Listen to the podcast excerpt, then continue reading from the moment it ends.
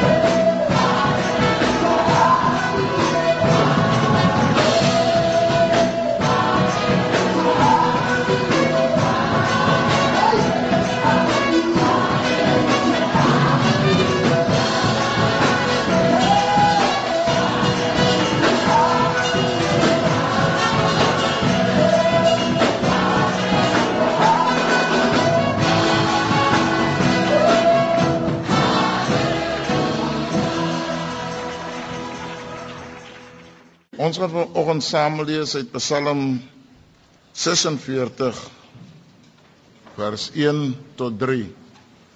Psalm 46 vers 1 tot 3. God is 'n toevlug vir 'n musiekleier vir die kinders van Korag met sopraanstemme 'n lied. God is vir ons 'n toevlug en sterkte. As hulp in benoudhede is hy in 'n hoë mate beproef.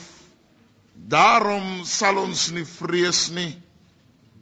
Al waggel die aarde en al wankel die berge weg in die hart van die see. Kom ons bid saam.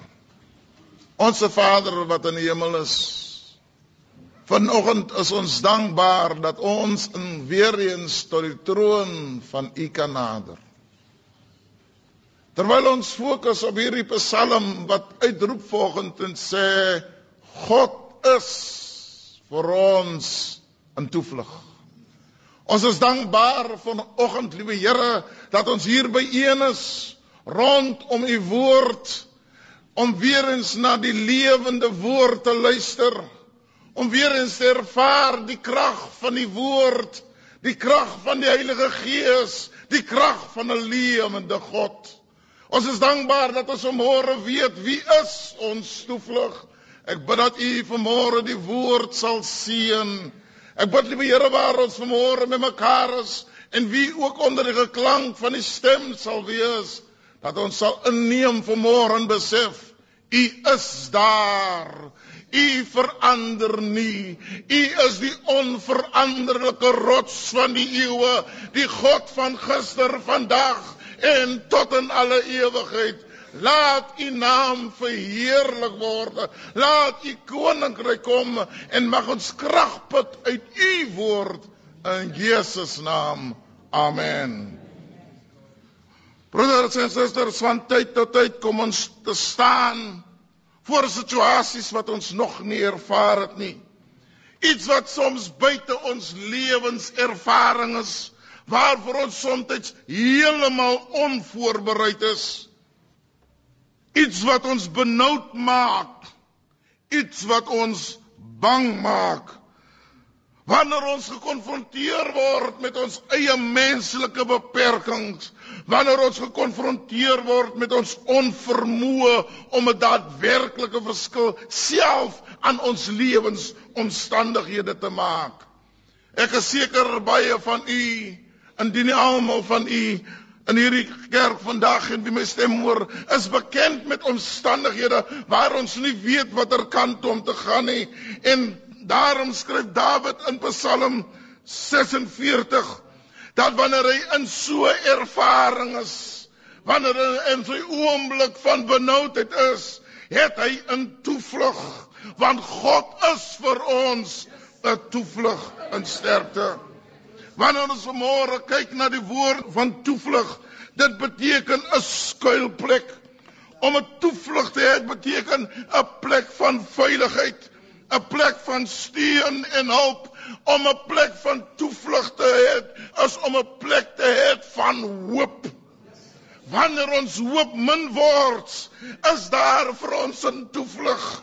Wanneer ons geen hoop het nie, is daar vir ons hoop. Halleluja. Wanneer ons uitgeput is en die storms van die lewe oor ons spoel, is daar 'n skuilplek in die tyd van storms maar benewens die feit dat God 'n toevlug is, is hy ook ons sterkte. Dawid skryf hy is nie net 'n toevlug nie, maar hy is ook 'n God van sterkte.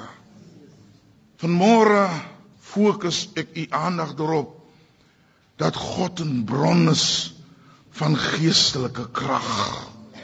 Hy gee moed. Sterkte vir persoonlik ook in hierdie skrif stewigheid. Wanneer 'n mens sterk is, dan bly jy staan. Dit maak nie saak wat jou tref. Jy staan in stewighede want jy is gebou om te staan op die rots. Jesaja skryf, hy sê hy gee die vermoeide krag en vermenigsterkte vir die wat geen krag het nie. In Psalm 23 skryf Dawid, hy verkoop my siel. Hy verfris my siel. Hy beer my op.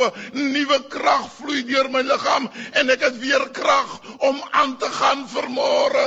Dit maak nie saak hoe uitgeput ek is in die lewe nie, maar die Here verkoop my siel. Hy gee my krag. Hy tel my op. Hy gee vir my nuwe krag. Soms het ons nie krag vir die dag van môre nie vanweë die onsekerheid van môre. Maar in die nag gee die Here krag. Want hy wat op die Here wag, kry nuwe krag. Op verskillende geleenthede in die Bybel het God hom op 'n wonderbare wyse as toevlug vir die mensdom geopenbaar. Ja, hy is op rekords. Dat wanneer 'n mens hom of haar in benoudheid bevind as hy in staat om vir ons deur te kom. Daarom sê Dawid, hy is in 'n hoë mate beproef. Hy is nie net beproef een keer nie. Hy is nie net twee keer beproef nie, maar op verskillende wyse onder verskillende druk het hy deurgekom vir ons. Hy is in 'n hoë mate beproef. Daarom is hy betroubaar.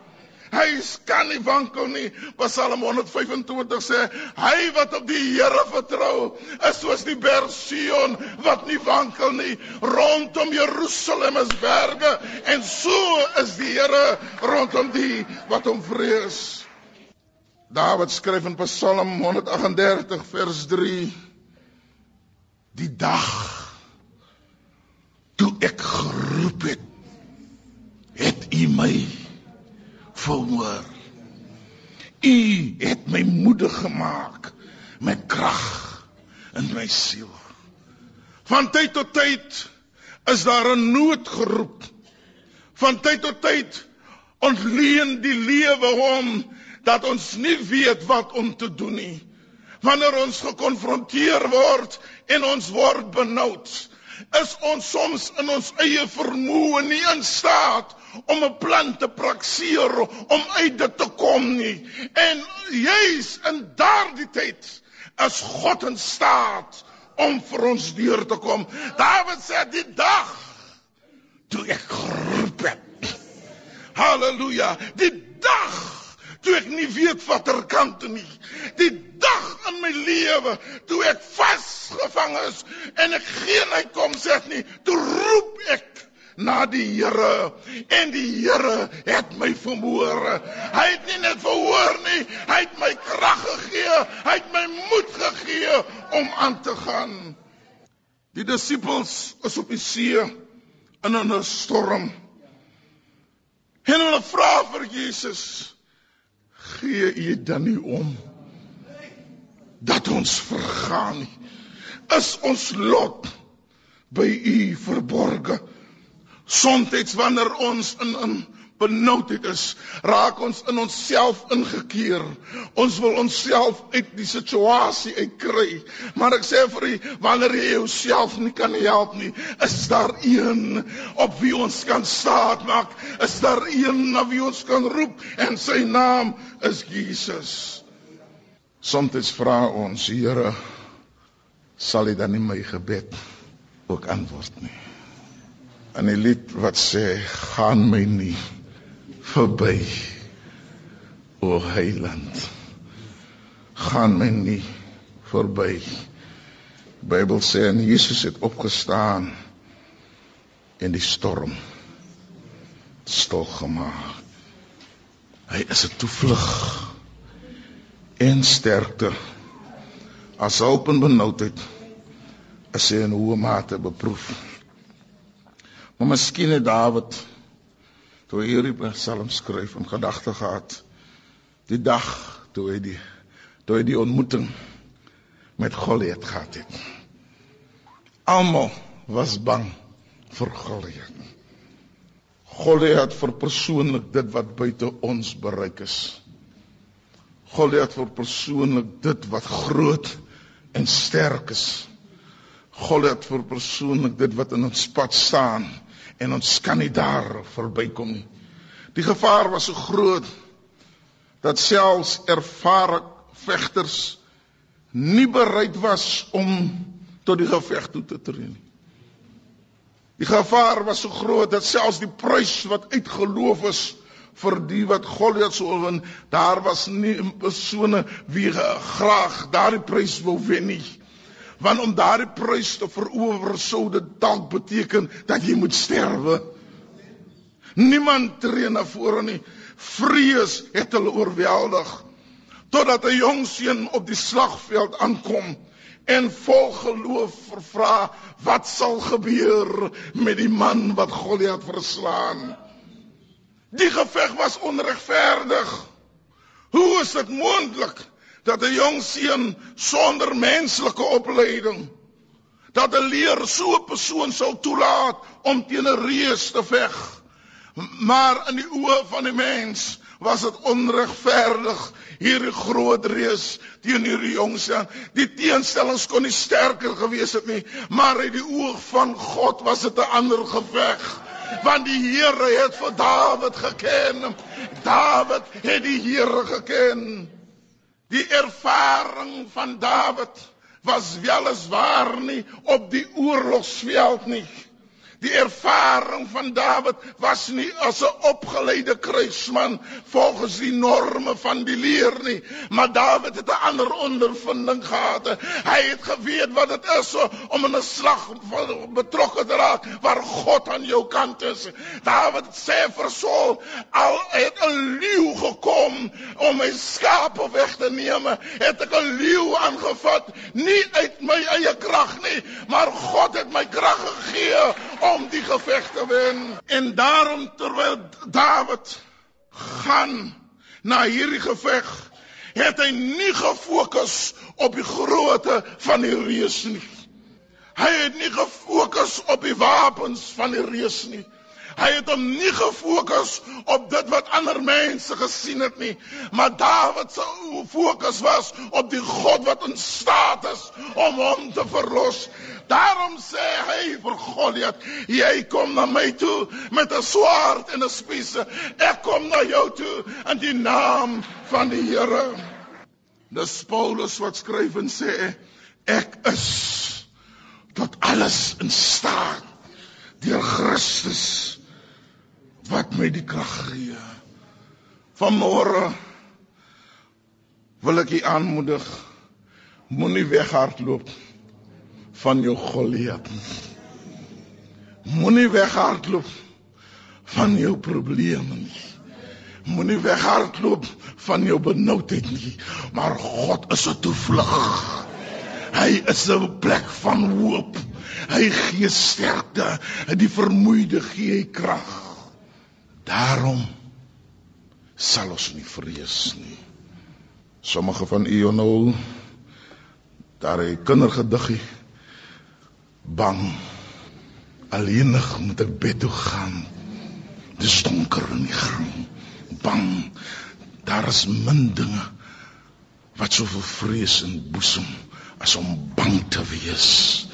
Die ervaring van magteloosheid wanneer jy nie weet wat vir jou voor lê nie.